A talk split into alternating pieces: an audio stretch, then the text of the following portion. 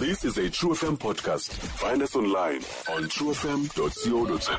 masiye ke kwilizwi lenkosi namhlanje esilifumana phaa kwincwadi eh amagalati kumagalati chapter 2 sofunda nje uverse 20 no21 kumagalati chapter 20 galatians chapter sorry galatians chapter 2 eh uverse ngu20 masifunde ke nabayifumanayo ngeli xesha galatians chapter 2 verse 20 singamfunda ke no21 I have been crucified with Christ. That is, in him I have shared his crucifixion. It is no longer I who live, but Christ lives in me. The life I live now, live in the body, I live by faith, by adhering to, relying on, and completely trusting in the Son of God, who loved me and gave himself up for me. I do not ignore or nullify the gracious gift of the grace of God, His amazing unmerited favor. For if righteousness comes through observing the law, then Christ died needlessly. His suffering and death would have no purpose whatsoever. Masifundeni ke nangesixhosa. Ngoko ke ayisendim ophilayo nguKristu ophilayo kum. Ubomi ke endibudlayo ngoku ndimanywe nonyana kaThixo. Ndibudla ngokholo kulowo wandithandayo. Wabuncamo bakho ubomi ngenxa yam. Cela uyibambe le ndawo ithi ngokholo kulowo wandithandayo. Wabuncamo bakho ubomi ngenxa yam. Andifekethi ngesisika sikaThixo. kuba ukuba umntu ebenokuba lilungisa phambi koThixo ngenxa yokugcina umthetho loo nto ibe yakukuthetha ukuba wafumana wafa uKristu baba lizwi lakho lisikelele ekuseni egameni lenkosi uJesu Kristu amen kule nyanga yothando funa nje ukuthi besingathi xa sithetha mhlambi ngetheme yethu sithi God was God is and forever shall be. God was love, God is love, and God will forever be the love He is. Sithandiwe bona nje nguThixo. Akaqali ukusithanda uba sibuva buncwane bothando lwakhe ngeli xesha. But uThixo wethu wasithanda kungekabikho nto edaliweyo wathi xa edala zonke izinto thina wasidala wasenza saba ngumfuziselo nomfanekiso wakhe so thina senziwe sangumahluko kwinto yonke edalwe nguthixo. Saba nefavor yahlukile when god created zonke izinto the xa efika emntwini. Kwahlalwa intlanganiso because umuntu emthanda. Yaba kuthixo isunyana nomoya ingcwele yathi into let us create man according to our image and likeness. Abe nedominion phezu kwezinto zonke. Lungakanani uthando lunjalo lokuthandwa nguthixo?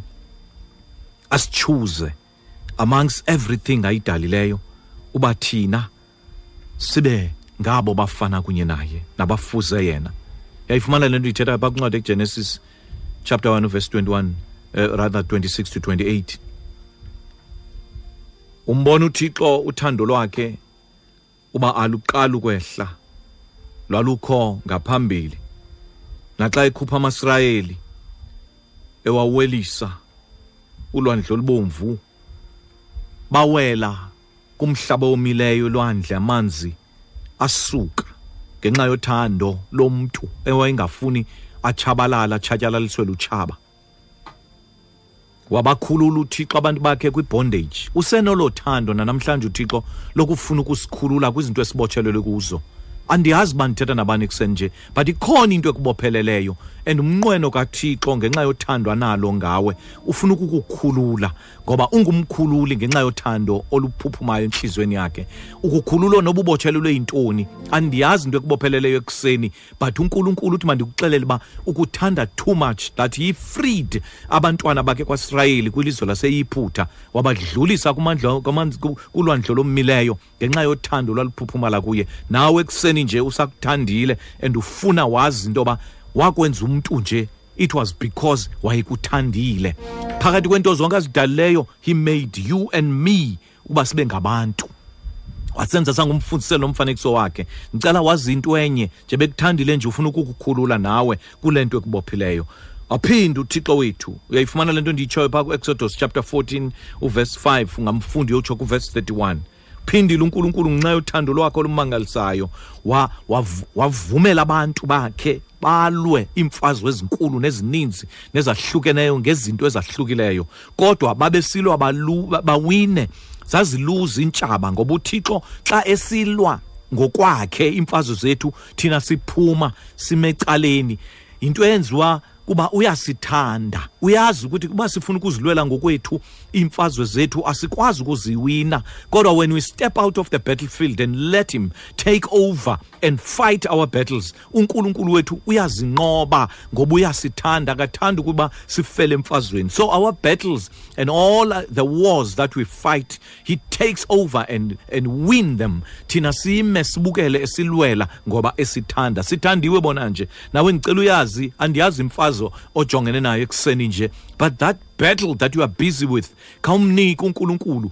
Uthi nkosi because you love me so much like you did to jehoshaphat wamlwela imfazwe yakhe ngoba nkosi yam balwa bodwa babulelana bodwa ngenxa yoba usithandile. Nathi ekuseni nje kunemfazwe esijongene nazo sithanda nkosi ukuphuma simecaleni siyishiye nawe le battlefield.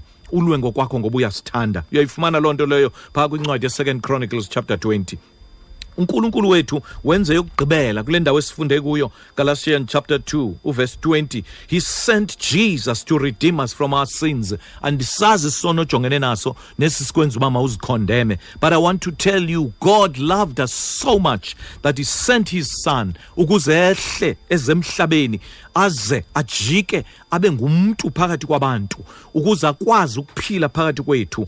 And his main objective was to come and redeem us. We were ransomed by the blood of jesus ukuze sisuke esonweni sikwazi ukubuyiselwa kuthixo and be reconciled back to him. Ngoku sikwazi uba sibe ngabantwana bakathixo ngenxa yothando awalenzayo wehla wabuya wazowufa ukuze thina sifumane ubomi banaphakade. I want to know i want you to know this morning that ayiphelelaphi indaba kankulunkulu. He forever shall be the love he is ngoba he promised us eternal life. Ncwadi katitus chapter 3 verse 5 uyowutsho ku-7 uyozifundela. Unkulunkulu akathandanga uba sithande ngoko ube sasithandana ngoku uthande noba makaphinde abe nobomi bethu kunye nathi kunaphakade. He is waiting for us he wants us to live now as if siphila ukuba sisazi uba siyaphi. He is waiting for us in eternal life. Unkulunkulu wethu usasithanda usezawusithanda and uyawuhlala esithanda. I want you to know this morning if you- ubuziva ingathi awuthandeki mhlawumbe uxelele uba uthandwa mhlawumbe uzibonile uba uthandwa mhlawumbe nawe ude wazikhondema that awuthandeki. I want you to know this morning God loves you so much. He loved you before. He still loves you today. He will continue to love you. And He's just waiting for you to know that wena ungowakhe. Sinikele kuye ukuze akuthande. Noba uziva ngathi awuthandeki, kodwa kuThixo uyathandwa. Enhlizweni yakhe akafuni ukukuncama noba ubomi bakho buncame kangakanani na, yena uyakuthanda. Ngicela ekuseni umvumele uThixo asondele enhlizweni yakho ngothando lukuye egameni lenkosi uJesu Kristu come to him. Come closer to God. By lifting your hand up and say Jesus I receive you because you love me. You loved me. You continue to love me. In Jesus mighty name. Amen.